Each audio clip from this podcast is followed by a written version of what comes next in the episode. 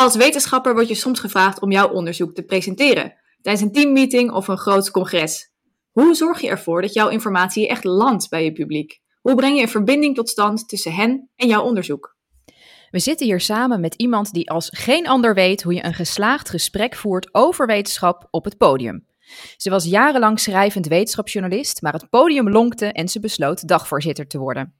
Ze interviewt wetenschappers, modereert panelgesprekken en weet als geen ander hoe je een geslaagd congres opzet. Maar nog belangrijker, zij kan ons vertellen hoe jij als wetenschapper de verbinding aan kan gaan met jouw publiek. Of dat nou op een grootse conferentie is of op een kleinschalige teammeeting. Welkom, Desiree Hoving. Fijn om hier te zijn. Wat een mooie aankondiging. Ja, leuk dat je er bent. Ik ben Jenny Haasnak. En ik ben Marloes ten Katen en wij zijn allebei trainers voor wetenschappers die met meer impact willen communiceren.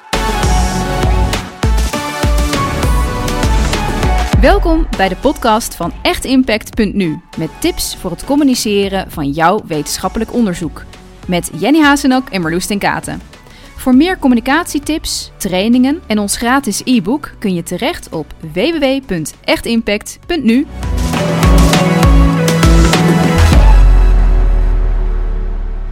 Fijn dat je luistert. We gaan het hebben over echt contact leggen met je publiek tijdens een presentatie. Om dat goed uit te zoeken gaan wij drie aspecten samen met Desiree bij langs. Uh, het eerste is, ja, wat is dat dan eigenlijk? Contact maken en waarom is dat dan zo belangrijk? Dan ook, hoe doe je dat dan? Contact maken met je publiek tijdens je presentatie. En tot slot, oké, nou stel dat je een presentatie hebt, hoe bereid je je daar dan goed op voor als je uh, bovenstaande weet? Dus het contact maken, wat, wat doe je dan in je voorbereiding daarmee? Maar voordat we uh, hier helemaal de diepte in gaan, wil ik eigenlijk eerst eventjes weten, wat doet een dagvoorzitter dan precies, Desiree? Ja, goede vraag, want uh, ik ben um, van huis uit um, uh, wetenschapper. Of tenminste, zo ben ik mijn carrière begonnen. Uh, daarna ben ik uh, wetenschapsjournalist geweest en heb ik geschreven voor allerlei kranten en tijdschriften. En daarna ben ik inderdaad dat podium opgegaan. En wat mij dan opvalt, is dat er. Of, of, ja, wat ik dan weet van heel veel bijeenkomsten, is dat er geen dagvoorzitter is. en dat bij heel veel wetenschappelijke bijeenkomsten vaak een hoogleraar alles aan elkaar praat, zo wordt het dan uh, oneerbiedig uh, gezegd. En um, uh, dat kan ook heel goed gaan, hè? maar wat ik dan vaak hoor, is dat een hoogleraar vaak zelf heel graag aan het woord is en heel veel vertelt.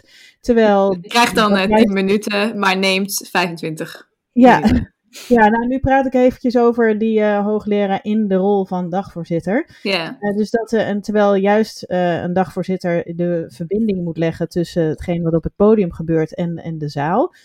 Um, en wat een hoogleraar ook, ja, wat, wat gewoon lastig is, is om een neutrale positie te hebben. Dus uh, die, die heeft zelf vaak ook een mening en die stuurt daarmee heel veel discussies of gesprekken een bepaalde kant op. Terwijl het juist de kracht is van een dagvoorzitter dat hij uh, neutraal is en dat hij ervoor zorgt dat alle ja, perspectieven of alle, um, ja, alle meningen, alle, meningen er mogen zijn en ook, en ook gehoord worden.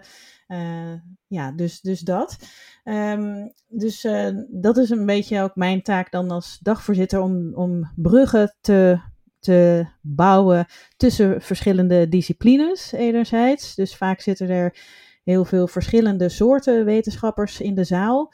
Of er zitten wetenschappers en politici, mensen uit het bedrijfsleven. Meestal spreken die mensen elkaars taal niet. Of die weten van elkaar niet zo goed waar ze mee bezig zijn. Uh, dus het is als dagvoorzitter kun je heel goed ja, bruggen bouwen, noem ik dat dan maar even. Tussen ja, mensen uit verschillende werelden. En, um, en, dat, uh, en, en wat ook vaak gebeurt bij klassieke bijeenkomsten, is dat er zoveel vanaf het podium gezonden wordt. Dus uh, heel veel bijeenkomsten gaan ervan uit dat iedereen in de zaal een uur lang of twee uur lang stil kan luisteren. Omdat, omdat er op het podium zoveel fantastisch gebeurt. Maar het is een Hans Klok show vaak, hè? Zo'n uh, zo'n wetenschap naar wie je ademloos kan zitten kijken. Je, wil, je, wil, je hoort vaak een heleboel informatie waar je dan als uh, publiek wat mee wil doen. Of je hebt er een mening over. Of je hebt zelf ook expertise die daarop aansluit. Of ja. um, je wil daarover in gesprek. En soms wil je daarover in gesprek met degene op het podium. Die wil je een vraag stellen. Of die, je, je wilt uh, je eigen onderzoek uh, naar voren brengen of zo. Of je wilt er met die buurman over in gesprek. Ehm, nou ja, kortom, een, taak van de dagvoorzitter is ook die interactie, want zo noem ik dat dan, uh, die, uh, de, dat communiceren, die, die zaal betrekken, uh, zorgen dat zo'n bijeenkomst niet alleen maar bestaat uit luisteren, maar uit meedoen. Dus als dagvoorzitter zorg je ervoor dat je publiek deelnemers worden. Dat je publiek deelnemers worden, ja. En dat ze niet alleen maar luisteren, maar meedoen. En wat, wat versta jij onder meedoen? Ja, meedoen is dan, is dan mee praten. Uh, en dan uh, uh, ja, zorgen dat, um, dat de, de meningen, emoties, expertise uit de zaal er mag zijn en op tafel kan komen op de een of andere manier. Dat kan op heel veel manieren. En ja, vaak het, ja, sorry. Dat was super interessant, wil ik zeggen, omdat vaak bij als je een presentatie bijwoont die alleen maar zenden is, dan is vaak het interessantste deel als je later koffie staat te drinken samen en je hebt het samen over wat je net gehoord hebt en waar je aan deed denken of wat je ervan vond. Uh, en jij probeert dat dus in de presentatie zelf al door van dat koffiegesprek gevoel te bouwen. Ja. Ja, ja of uh, ja, tijdens de tijdens de bijeenkomst zelf. Uh, in, de, in de zaal wil je al dat de informatie. Want vaak gaat het bij wetenschap ook om, uh, om kennis delen en, uh, en onderzoeksresultaten delen. wil je dat dat op de een of andere manier landt in de zaal? Je wilt dat er dat mensen er al wat mee gaan doen. En dat niet vergeten de volgende dag als ze weer achter hun eigen bureau zitten. Ja. Uh, dat, is, dat is heel belangrijk. Kun je, kun je een voorbeeld daarvan geven, van iets van informatie wat dan echt moet landen of zo? Wat is bijvoorbeeld een, een conferentie die je nu aan het voorbereiden bent of die je net hebt gedaan? Um, ja, nou, ik noem even gewoon een lukraak voorbeeld. Heel veel bijeenkomsten gaan over uh, duurzame transities. Ik noem ja. even een woord. Ja. Uh, en dan, um, ja, dan komt er iemand die heel goed weet, bijvoorbeeld hoe je de uh, luchtvaartindustrie moet verduurzamen, die alles weet over elektrische vliegen. En er zitten allemaal mensen in de zaal die ja, daar ook zijdelings wat mee, ja, wat van weten. Um, maar je wil uh, je wil dat ze die nieuwe informatie ook meenemen de volgende dag in hun eigen werk. Dus dat, ja. Ze, uh, ja, dat ze het ter plekke, zeg maar, vertalen als een soort van, uh, nou, als ik het visueel moet maken, als een soort bouwblokje in hun eigen Lego-bouwwerk. Wil je dat het een plek krijgt en wil je dat het ja, verankerd wordt in hun, in hun eigen werk. Ja. Um, Zoiets uh, bedoel Ja, in plaats van dat het uh, een soort schilderij is waar iedereen naar kijkt denkt, oh ja, mooi. En dan ga je weer naar huis en denk je er nooit meer aan. Je wilt dat het iets is wat zij... Ja, wat beklijft. Het is natuurlijk nuttige informatie voor mensen hun leven, professionele of persoonlijke leven. Dat is in ieder geval wel het idee waarom je een presentatie houdt. Want waarom zou je het anders doen? Ja, ja. of als het voor een... Uh, nu, nu ga ik helemaal vanuit dat het een, wetens, een bijeenkomst is van wetenschappers door wetenschappers, maar er zijn ook heel veel bijeenkomsten van wetenschap of waarin een wetenschapper iets aan een lekenpubliek uh, uitlegt, dan wil je ook, bijvoorbeeld als het over uh, nou, weer die duurzaamheid gaat, dan wil je dat mens, mensen misschien wel iets veranderen in hun leven. Dat ze misschien uh, meer of minder biologisch voedsel kopen, of dat ze ja, op een andere manier gaan koken. Ja, zo, je, je wil dat het impact heeft. Ja. ja. Ja, dus de bedoeling is eigenlijk dat mensen niet alleen maar passief onderuitgezakt lopen te luisteren en die informatie over zich heen gepland krijgen, maar dat ze in hun hoofd al gaan nadenken van hoe ga ik dit Lego-blokje in mijn eigen leven verwerken. Ja, precies. Ja. ja. Oké, okay. um, en uh, want je had het helemaal in het begin, zei je ook van heb je die klassieke manieren, bedoel je met klassiek dan ook iemand staat op het podium en die staat alleen maar een monoloog te houden en dus alleen maar informatie over mensen heen te plempen. Bedoel je dat met klassiek? Ja, precies. Ja, ja. en dan, uh, ik noem het een klassieke bijeenkomst, maar dan bedoel ik dat, uh, dat er echt vijf keynotes zijn gepland van een uur en dat die allemaal achter elkaar een uur gaan oreren, monoloog gaan houden en dat nou, tussendoor misschien nog ruimte is voor QA, maar niemand durft een vraag te stellen dan. Ja. En um, nou, daarna gaat iedereen weer naar huis. Ja, precies. Dus hoe moet het dan wel? Ja, ja dan ga je het over heel mijn vak als dagvoorzitter. Ja, precies. Hoe je een hele bijeenkomst uh, ja. herprogrammeren. Maar ja, ik zou vooral uh, die, uh, die verbinding maken met het publiek. Dat is, dat is echt een uitdaging. Ja, en, en je dat, als voor wetenschappers. Want hoe, hoe kan je dat dan doen? Want dus vijf keynote speakers achter elkaar, dat is geen uh, goed idee. Um, uh, dus ja, je hebt dan eigenlijk, hè, deze vraag behelst natuurlijk twee dingen. Dus je kan het enerzijds hebben over het programma aan zich en anderzijds over wat je als spreker kan doen. Die tweede vraag is denk ik voor onze luisteraars het meest interessant. Mm -hmm. um, uh, maar heel, heel kort even die eerste. Dus vijf keynote speakers achter elkaar moet niet. Dus stel dat we doen er maar twee. Wat, wat zou je dan doen in de plek van die andere drie?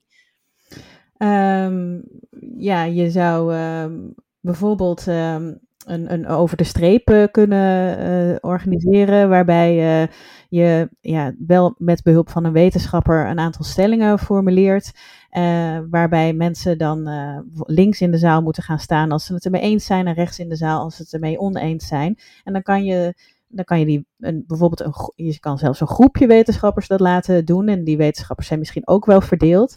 Die kan je dan ook aan één kant van de streep laten staan. En met het publiek ook het gesprek aangaan. Waarom sta jij eigenlijk hier? En waarom moeten we niet aan de andere kant staan? Dat, dat is een, uh, nou, een andere manier om je informatie uh, ook over de bühne te brengen. Maar wel ook een hele levendige, speelse manier om mensen in beweging te brengen. Letterlijk. Ja. Maar ook om ze, om ze de, ja, de discussie te laten aangaan over een onderwerp. En stel, ik ben PhD-student uh, en ik ben uh, gevraagd uh, in een parallelsessie om iets te vertellen over een recent paper. en ik kijk naar het programma en dat is precies zo'n klassiek programma. Hè? Dus keynote speaker, parallelsessie, keynote speaker, parallelsessie, lekker volgepland. Um, maar ik heb wel, ja, weet ik veel, een uur gekregen of zo. Nou, een uur is een, een parallelsessie meestal wel lang, maar laten we even voor het gemak zeggen. Wat zou jij dan, wat, wat kan ik als spreker dan doen? Oeh, ja, als, uh, als spreker, ja, daar, de luisteraars daag ik hierbij uit om zelf ook verbinding te maken met het uh, publiek. Um, en um, dat kan je doen door ze proactief vragen te stellen. Dus als wetenschapper stel je dan een vraag aan je publiek. En dat, dat klinkt voor heel veel mensen heel gek, want heel veel heel vaak wacht je aan het eind van je presentatie op vragen uit het publiek aan jou. Dus we draaien hierbij helemaal de rollen om. Uh, dat is een, nou ja, uh, als, je, als, je, als je eenmaal dat beseft dat dat heel goed werkt, um, dan, uh, dan ga je het vaker doen. Um, ja, want in je eer, ik wilde even terugkomen nog op jullie eerste podcast. Daarin zeiden jullie begin met het einde van je onderzoek. Ja. En ik zou willen zeggen, begin met contact maken met het publiek. Ja. Hmm. Voordat je iets gaat presenteren. En met contact maken bedoel ik dan dat je de mensen uit het publiek even aanzet. Als je als, als het ware een knopje in hun hoofd indrukt, zodat diegene betrokken is bij jouw verhaal. Want je wil dat jouw verhaal ertoe doet voor iemand. Uh, dus dan moet je ook gedurende je, je, presentatie af en toe dat knopje weer even indrukken om mensen ja, met aandacht te laten luisteren en mee te laten denken. En dat doe je dus door een, uh, een vraag te stellen aan je publiek. Ja, dus het gaat ook heel erg om de, de verwachting te scheppen en ook mensen te activeren, dat ze snappen dat zij zelf ook niet passief aanwezig zijn. En dan zullen ze waarschijnlijk ook op een andere manier, als je wel aan het praten bent, op een andere manier naar je luisteren als ze al geactiveerd zijn. Ja, precies. Ja, je hebt mensen, je hebt als het ware hun, uh, hun hersenen uh, ja, geactiveerd om zich bezig te houden met het onderwerp van jouw presentatie. Uh, want je wil, al, je wil dat het onderwerp niet aan het eind pas landt en dat ze aan het eind gaan denken, oh, wat heb ik hier eigenlijk aan? Maar je wil meteen al dat ze daar vanaf het begin uh, 100% bij betrokken zijn. Ja. En dan, dan vraag je misschien af, wat voor vraag moet ik dan stellen als wetenschapper? En um, de makkelijkste vraag die, uh, die ik als dagvoorzitter wel eens aan het begin van een bijeenkomst uh, stel, um, is, is dan welke associatie hebben jullie bij onderwerp X?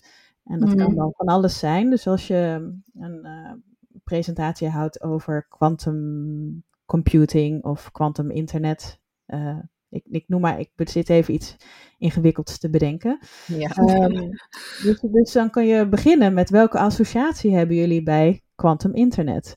En dan kun je meteen peilen in de zaal hoeveel mensen eigenlijk weten van dat onderwerp. Mm. Um, en, en hoe doe je dat dan uh, praktisch als je die vraag stelt van wat is jullie associatie met quantum internet? Uh, laat je mensen hun hand opsteken en dan wijs je ze aan en dan kom je langs met een microfoon. Hoe, hoe doe je dat uh, praktisch precies? Ja, dat kan je op, inderdaad op heel veel manieren ook weer doen. Um, je, ja, je, wat, wat wat ik vaak doe als dagvoorzitter, maar dat, ik weet niet of je dat dan. Uh, het hangt ook heel erg van de zaal af, of dat kan. Uh, maar wat heel goed werkt, is altijd is als je eventjes door het middenpad loopt en dan links en rechts wat reacties ophaalt, zonder dat je met de microfoon uh, voor iemands neus gaat zitten. Dus oh, okay. mensen roepen dan wat in de zaal. Dat kan je ook eigenlijk prima vanaf het podium doen. Maar als je een zaal hebt met 800 mensen, dan hoor je de mensen achterin niet. Dus ja. dan moet je wel eventjes of je moet iemand hebben die, die, dat, um, die dat voor je doet. Maar in principe niet met een microfoon. Het moet zo laagdrempelig mogelijk zijn dat, dat veel mensen durven te die vraag te beantwoorden. Want het is best een moeilijke vraag natuurlijk. Uh, quantum internet, halleluja. Stel je voor dat ik iets doms zeg. Dat wil ik niet. Ja. Denk je dan het publiek.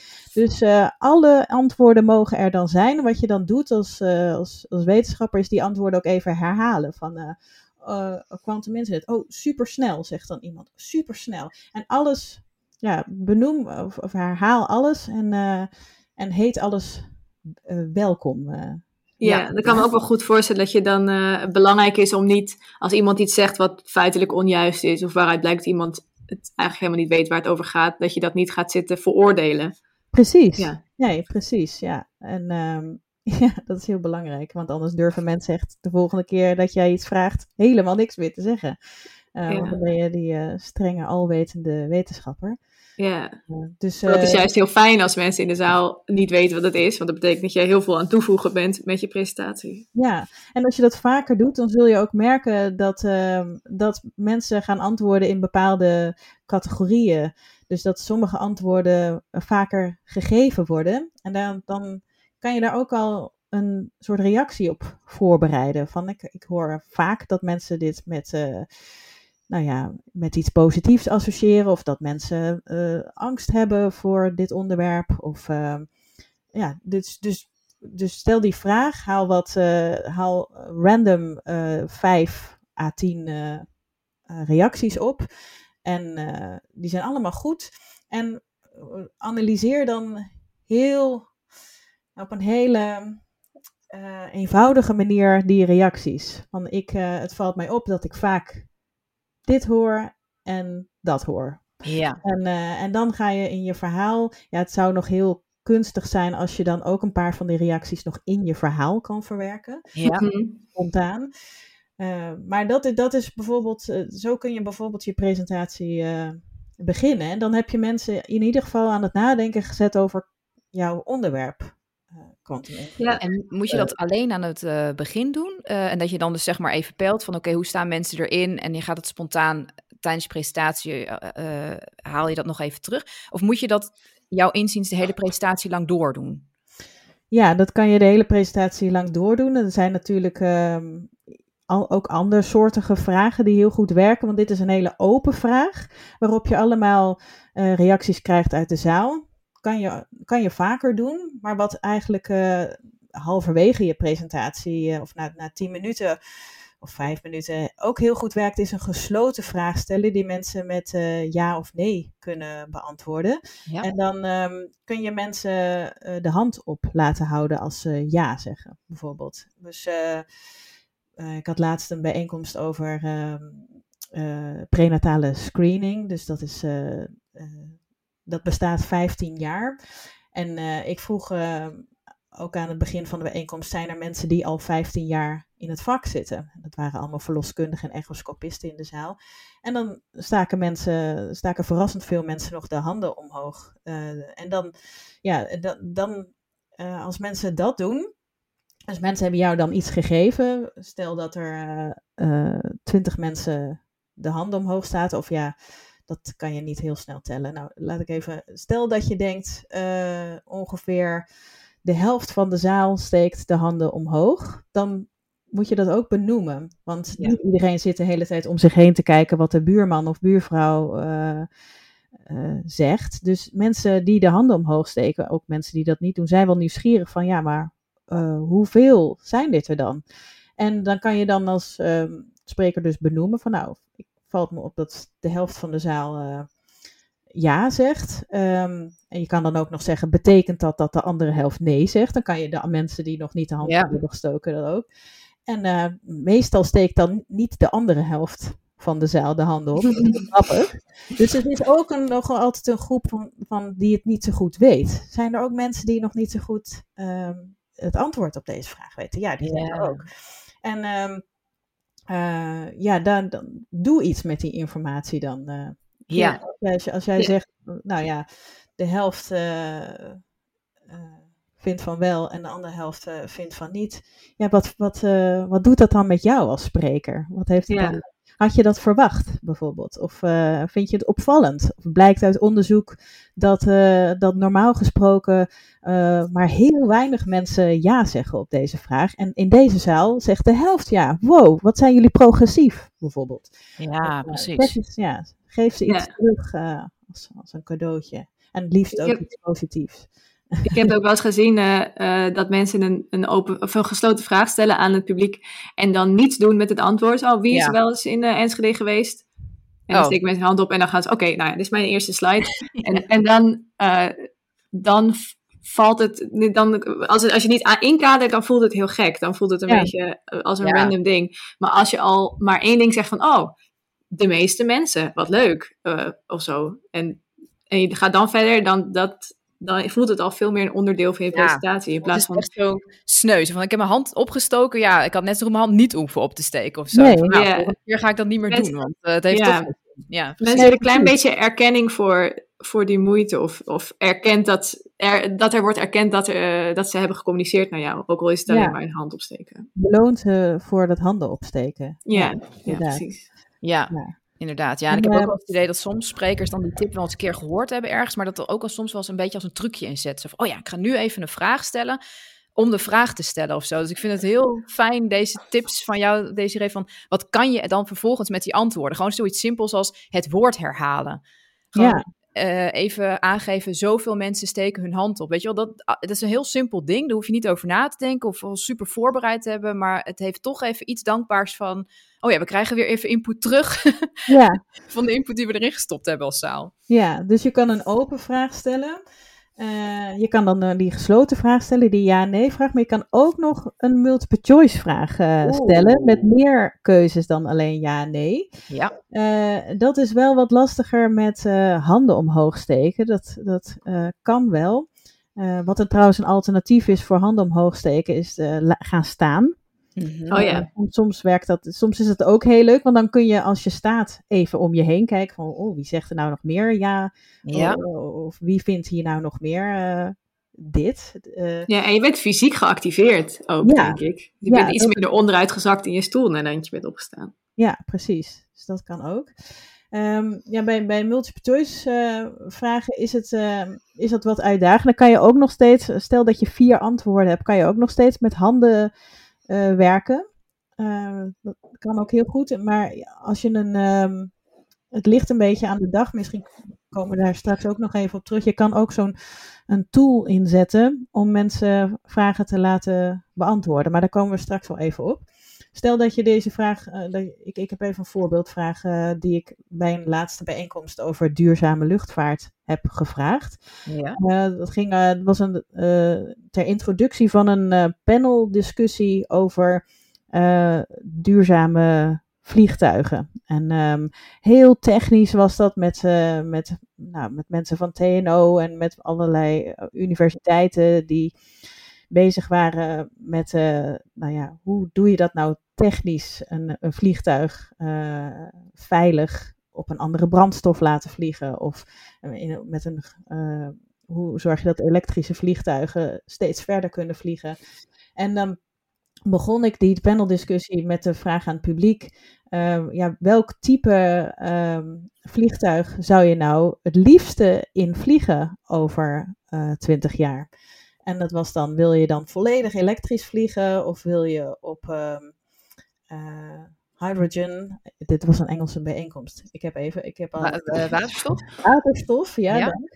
Uh, of wil je op duurzame, ja, ze noemden het SAF, Sustainable Aviation Fuel. Dus wil je op duurzame brandstof, een alternatief voor kerosine, of wil je helemaal op kerosine vliegen? Ehm, dus ehm, wie kiest er voor elektrisch vliegen? En dan handen omhoog. Wie kiest er voor op waterstof vliegen? Wie, nou, goed, het antwoord was dan dat ehm, de meeste mensen op waterstof wilden vliegen, omdat je. Mm -hmm daar nu het verste mee komt. Mm. Experimenten.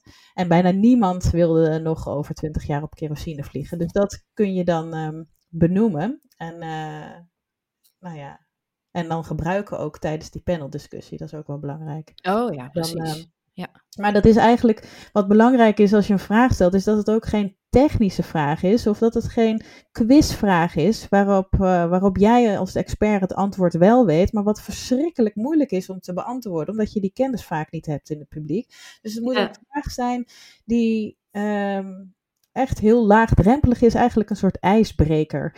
Ja. Uh, ja zoiets. Waar, welk vliegtuig zou jij het liefst in willen vliegen? Dan hoef je eigenlijk helemaal niks van die vliegtuigen te weten. Het antwoord is nee. Het gaat meer over wat voor gevoel hebben mensen dan.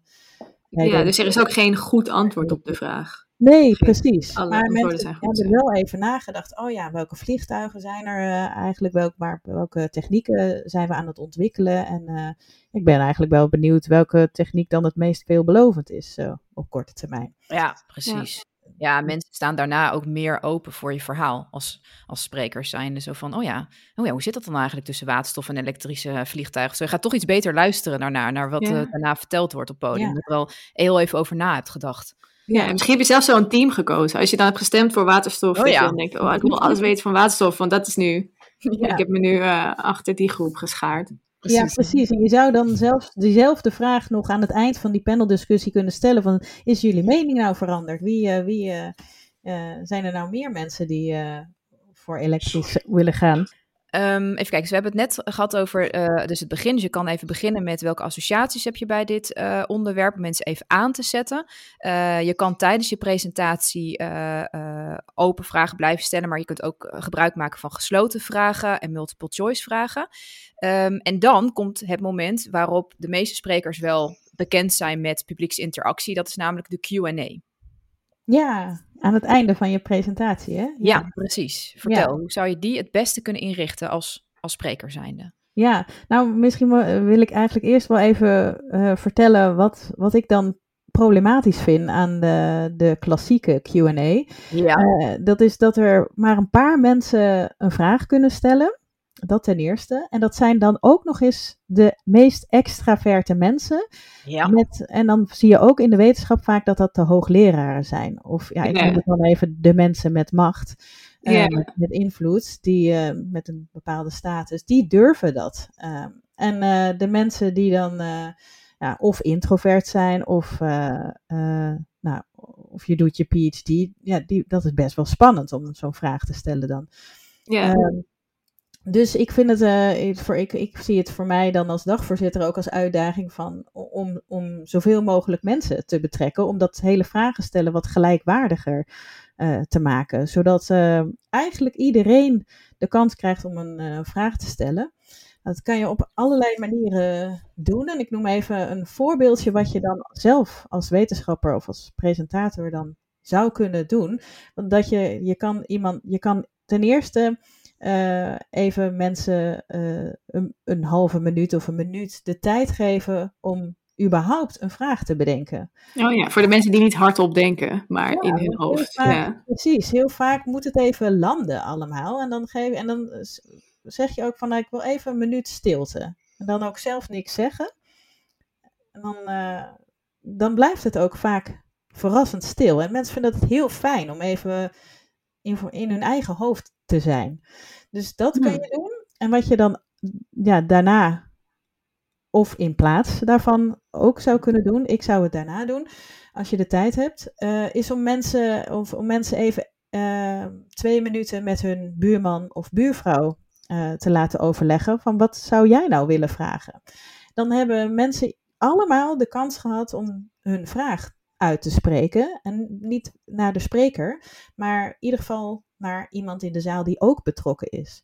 Dus dan heb je in ieder geval even jezelf kunnen uiten. Dan is even dat uh, ja, je, je, je meest urgente reactie op die presentatie is er dan even uit. Uh, mm En dan ehm, nou, dan zou je zelfs, maar meestal is die tijd er niet, je zou zelfs een stapje verder kunnen gaan en de opdracht kunnen geven aan dat koppel wat je dan aan het praten hebt gezet, met een ander koppel achter je bijvoorbeeld te laten praten. Uh, ik doe dat als dagvoorzitter uh, wel regelmatig, maar als spreker heb je vaak die tijd niet. Maar dat levert vaak nog betere vragen dan op. Uh, dus dat, dat, dat, noem ik de 1, 2, 4 ja, methode. Maar je kan het ook gewoon bij één houden of bij 1, 2 houden. Of alleen mensen met hun buurman laten praten. Maar dat werkt zo goed altijd. Want dan merk je dat er veel meer mensen iets durven te zeggen ook. Want dan hebben ja. mensen het al uitgesproken aan hun buurman of buurvrouw. En je kan dan ook altijd als trucje nog zeggen: Oh, wat, wat vertelde jouw buurvrouw aan jou? Dan hoeven ze hun eigen oh, vraag oh, niet te benoemen. Dan voelen ze zich ook niet uh, dom of, of uh, alsof ik iets raars ga zeggen. Nee, mm. mijn buurvrouw zei dit. Ja, dus, uh, I can't, don't blame the messenger, weet je wel?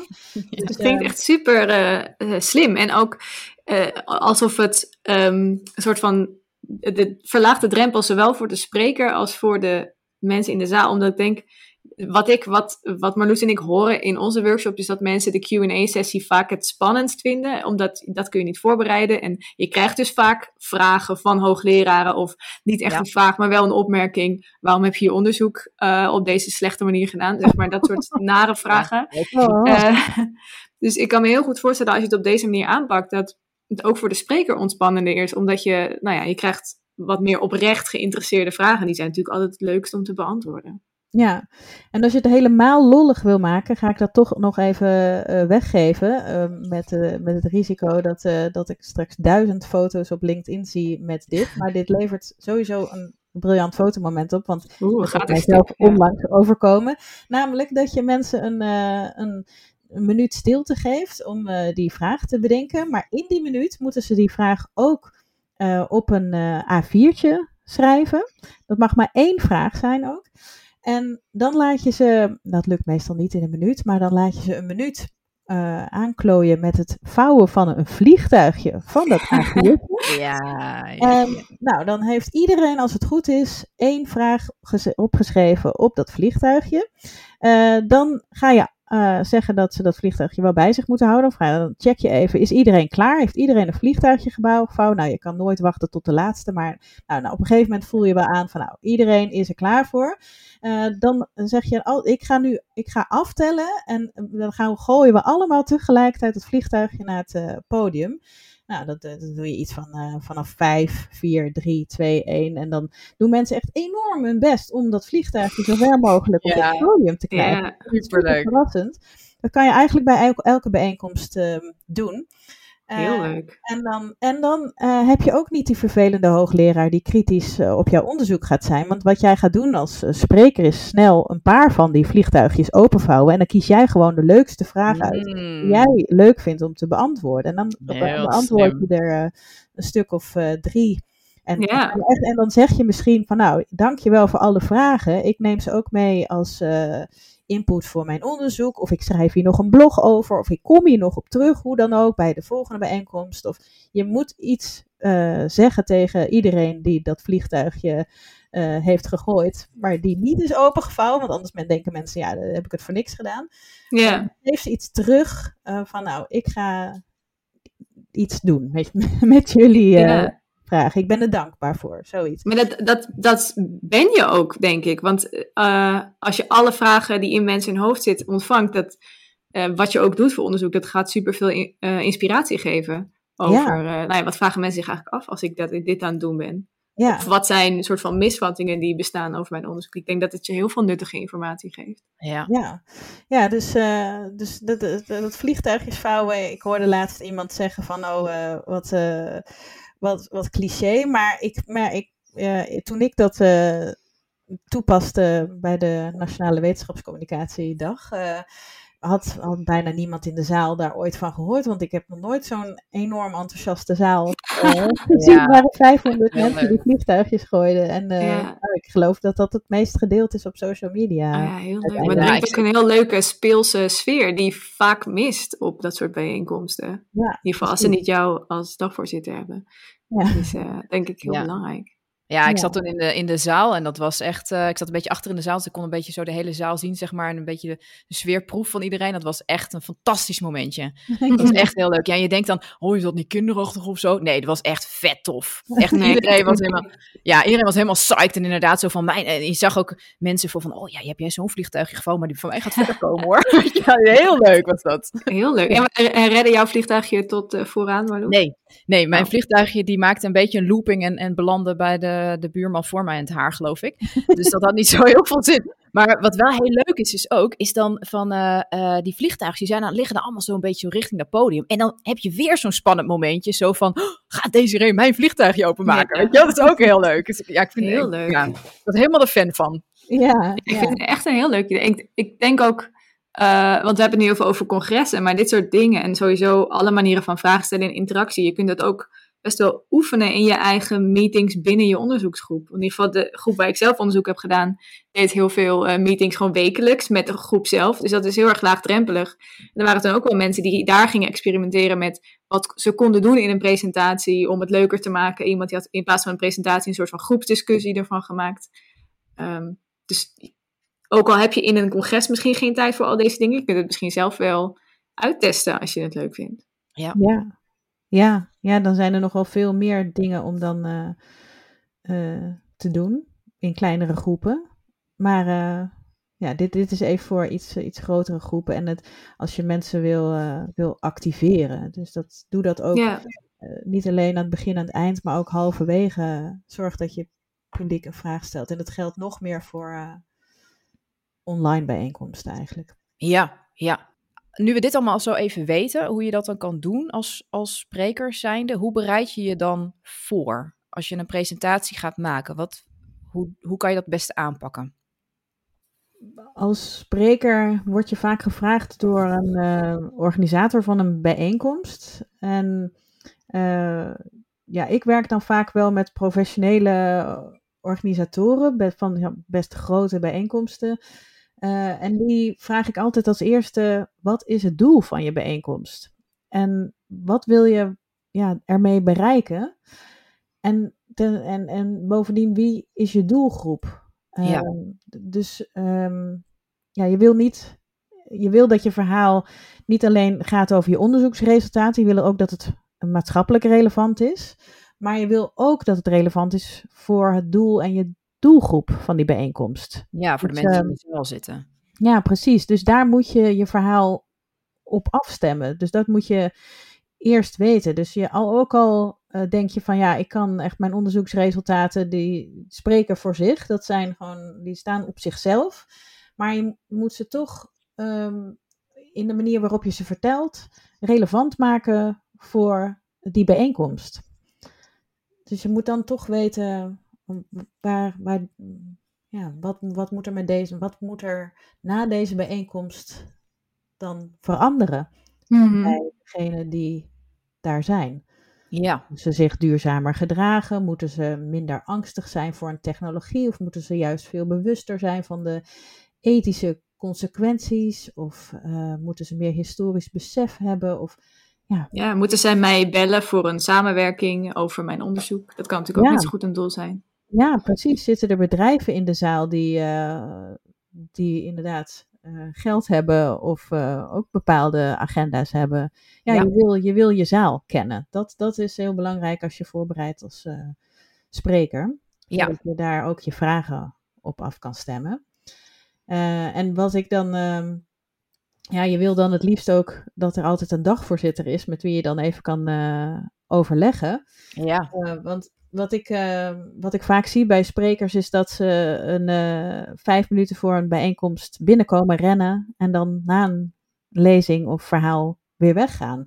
En dan mm -hmm. zijn ze eigenlijk helemaal niet betrokken bij die hele bijeenkomst. Dus dan doet het er voor hen ook niet zoveel toe of die informatie nou landt of niet. Of uh, dat ze aansluiten bij wat er daarvoor is gezegd. Mm. Uh, dus ik zou dan ook wel aanraden om in ieder geval voor iets meer tijd te plannen om je presentatie heen. Het liefst mo moet je de opening van die bijeenkomst meemaken. Mm -hmm. Een, um, een, ja, een goede dagvoorzitter die zal ook vragen wie zit er eigenlijk allemaal in de zaal. Ja. Daar, daar wil je ook je verhaal op afstemmen. Als er nou uh, 80% uh, beleidsmakers zijn van uh, gemeente Delft, of uh, als er nu heel veel commerciële mensen in die zaal zitten, dat wil je weten. Um, ja, precies. Als spreker. En um, ja, soms weet je dat ook al helemaal voordat je er bent hoor. Maar vaak zitten er toch nog wel wat verrassende mensen in de zaal die, je door, die je specifiek zou kunnen toespreken. Ja, precies. Dat ja. verhaal altijd sterk. Ja, en dat mis je volledig als je vijf minuten van tevoren... Oh, hup, uh, slides even snel klaarzetten, podium op, verhaaltje afdraaien. Dan, ja. dan heb je die aansluiting, heb je dan gewoon niet als spreker op dat moment. Nee. Ja. Nee, en wat ik nou nog verder qua voorbereiding... Um, ja, je wil, je wil natuurlijk weten of het een fysieke bijeenkomst is of een online of een hybride bijeenkomst is. Want dan wil je ook dat publiek goed aanspreken. Um, bij, bij uh, hybride bijeenkomsten, dat, dat, uh, dat is uh, dat je een bijeenkomst hebt in een, in een zaal, waarbij dan ook een, een camera, een livestream is. En waar vaak dan ook mensen kijken. Ehm, en die wil je ook af en toe eventjes benoemen. Of je wilt weten hoeveel het er zijn. Of, nou ja, vaak bij hybride bijeenkomsten. nou, trouwens, ook wel bij online en ook wel bij fysieke bijeenkomsten zie je steeds meer dat er interactietools worden gebruikt, zoals Mentimeter, ja. Oh, ja. Slido. Uh, er zijn nog wel meer tools, maar ik denk dat deze twee de meest gebruikte zijn.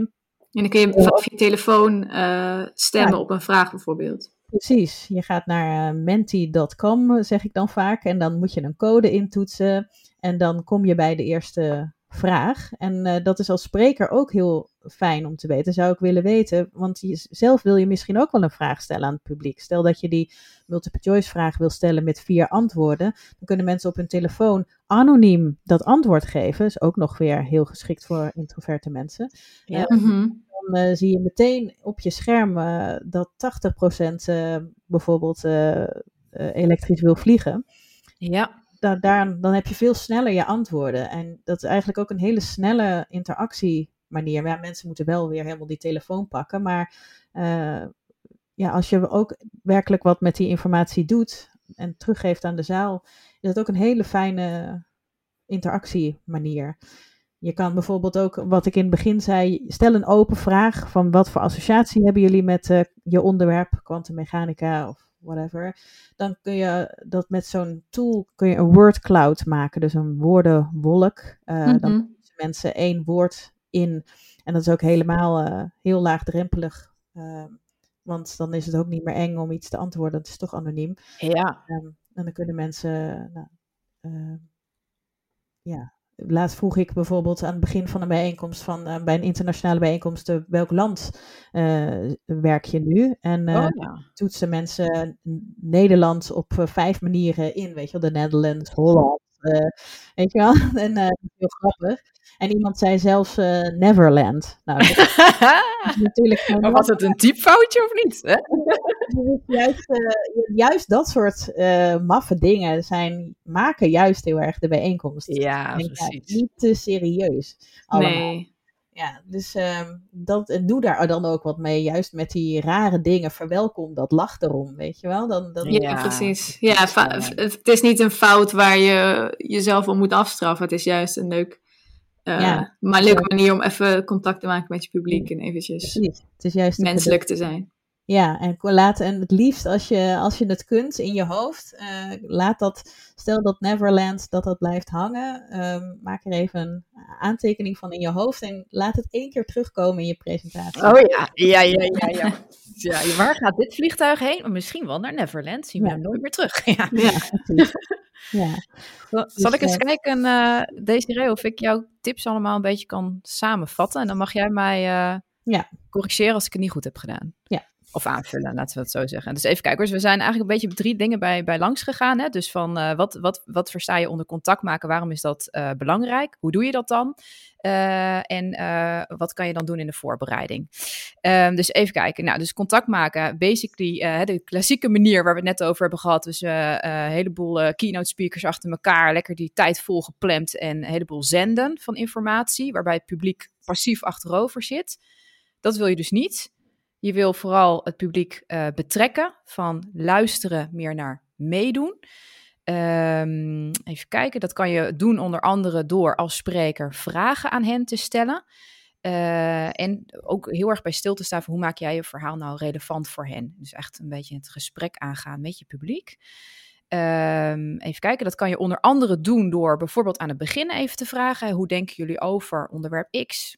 Quantum internet, uh, elektrisch vliegen. Uh, je kan het ook tijdens je verhaal doen. Dat kan ook met gesloten vragen. Um, dat kan met handen opsteken zijn, maar je hebt ook van die multiple choice uh, tooltjes zoals Slido en Mentimeter. En WordCloud kan je ook inzetten, maar het hoeft dus niet. Je kan het ook gewoon zonder doen. En bij de QA kan je mensen ook ex extra uitnodigen om mee te denken en een vraag te durven te stellen door ze eerst even zelf in gedachten een vraag te laten formuleren of even met hun buurman of buurvrouw erover te hebben. Dat maakt het iets laagdrempeliger. Dan hoe bereid je je voor?